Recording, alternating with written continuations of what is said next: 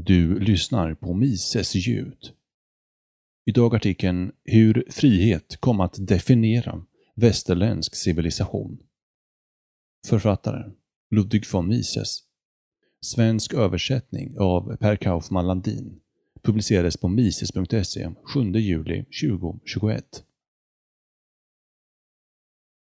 Civilisationens historia är en evig strävan efter frihet.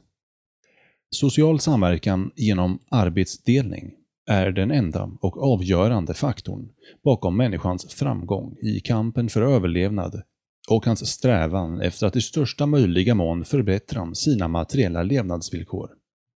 Men som den mänskliga naturen ser ut kan ett samhälle inte existera om ingen erbjuder sig att hindra oregerliga människor från att begå handlingar som är oförenliga med gemenskapens seder.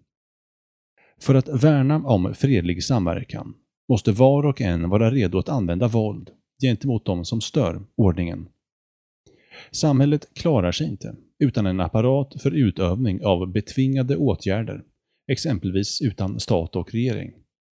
Ur detta föds ett nytt problem. Att tygla de som för befäl över regeringsmaktens funktioner. Att hindra dem från att missbruka sin makt och göra alla andra till sina slavar. Målet för all frihetskamp är att hålla fredens beväpnade försvarare, guvernörerna och deras konstaplar i schack. Frihet betyder alltid frihet från maktfullkomligt agerande från den polisiära makten. Frihetsidealet är och har alltid varit utmärkande för västvärlden. Det som separerar öst från väst är först och främst det faktum att folken i öst aldrig utvecklade idén om frihet. Det antika Greklands oförgängliga storhet var att det var först med att inse betydelsen och innebörden av institutioner som garanterar frihet. Samtida historisk forskning har spårat ursprunget till ett antal vetenskapliga upptäckter som tidigare akkrediterats till antika grekerna, till Orienten. Men ingen har någonsin ifrågasatt att friheten skapades i det antika Greklands städer. De grekiska filosofernas och historikernas skrifter förde dem vidare till romarna och senare till det moderna Europa och Amerika. Frihet var en central angelägenhet för hela västvärlden i etableringen av det goda samhället. Den födde idén om laissez-faire, till vilken mänskligheten står i tacksamhetsskuld för alla de enastående framgångar under kapitalismens tidevarv. Syftet med alla moderna politiska och rättsliga institutioner är att säkra individernas frihet mot angrepp från regeringsmakten representativt styre och rättssäkerheten, oberoende domstolar och tribunaler från ingripanden från myndigheter, habeas corpus, juridisk granskning och upprättelse gällande administrationens gärningar, yttrande och pressfrihet, separation mellan kyrka och stat samt många andra institutioner förenade i ett enda syfte. Att begränsa befattningshavarnas godtycklighet och frigöra individerna från deras maktfullkomlighet. Under kapitalismens tidevarv har all anstymmelse till slaveri och livegenskap utrotats. Det har inneburit slutet för överdrivet grymma straff och har lindrat straffen för brott till ett minimum, nödvändigt för att avskräcka brottslingar. Tortyr har avpolitiserats, liksom andra tveksamma metoder för att hantera förbrytare och misstänkta. Tyranniets undersåtar har transformerats till fria medborgare. De materiella förbättringarna var frukter och reformer och innovationer gällande skötseln av statens angelägenheter.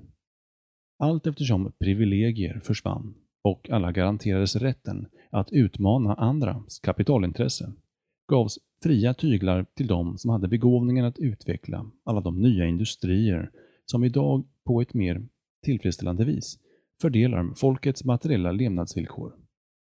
Folkmängden mångdubblades, men trots det kunde ökande population åtnjuta en högre livskvalitet än dess förfäder. Också i västvärlden har det alltid funnits förespråkare för tyranni.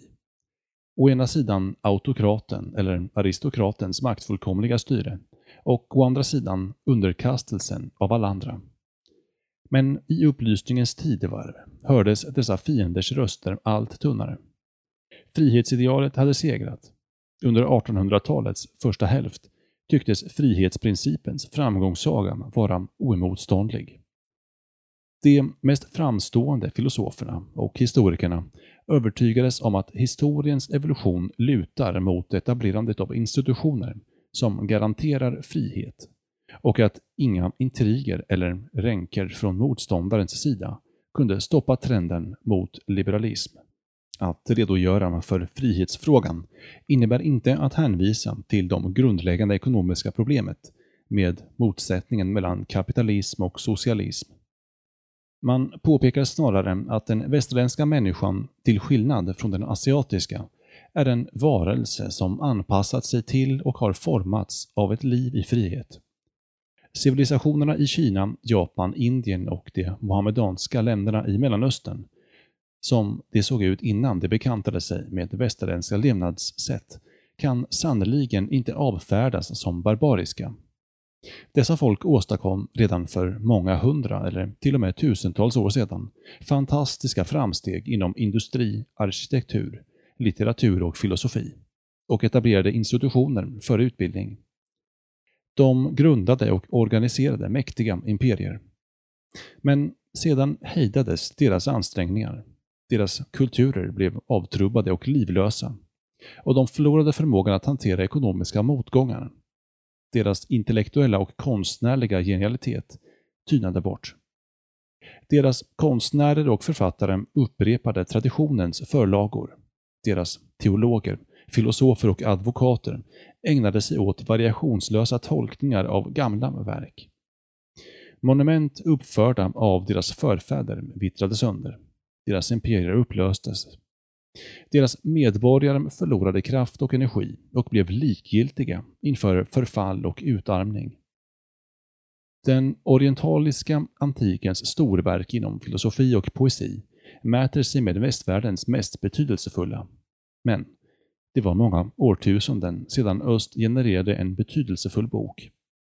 I den moderna intellektuella och litterära historien finns få exempel på orientaliska författare. Öst har inte längre bidragit till mänsklighetens intellektuella ansträngningar. Problem och kontroverser som upprörde väst förblev okända i öst. I Europa rådde uppståndelse. I öst rådde stagnation, lättja och likgiltighet. Orsaken är uppenbar. Öst saknade det grundläggande idealet, idén om frihet från staten. Öst lyfte aldrig frihetens flagga, försökte aldrig betona individens rätt gentemot härskarens makt, ifrågasatte aldrig despotens maktfullkomlighet och först och främst, öst skapade aldrig den rättsliga ram som skyddar medborgarnas förmögenhet mot konfiskering från tyranner. Tvärtom, vilseledd av idén att de rikas rikedom orsakar i fattigas fattigdom, godkände alla människor guvernörernas praxis att expropriera framgångsrika affärsmän. Således förhindrades storskalig kapitalackumulation och nationerna var tvungna att missa alla de förbättringar som kräver betydande kapitalinvesteringar. Ingen borgerlighet kunde utvecklas och därmed fanns ingen allmänhet som kunde uppmuntra och gynna författare, konstnärer och uppfinnare. För folkets söner var alla vägar mot personlig utmärkelse stängda, utom en.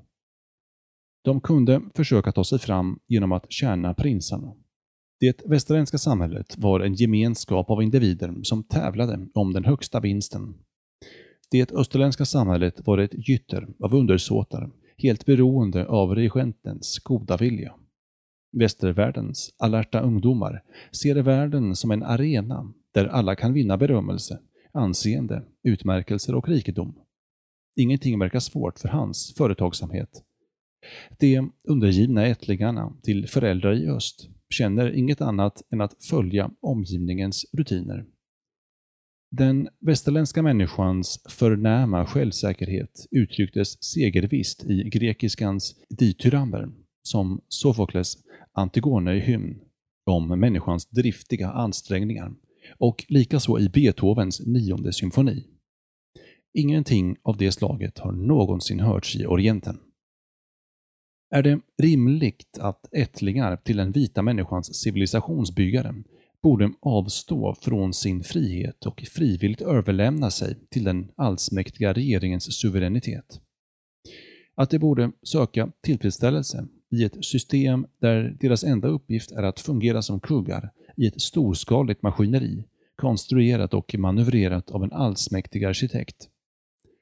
Ska mentaliteten hos de hämmade civilisationerna få sopa bort idealen för den överlägsenhet som tusen och åter tusen har offrat sina liv för? Reure in servitium.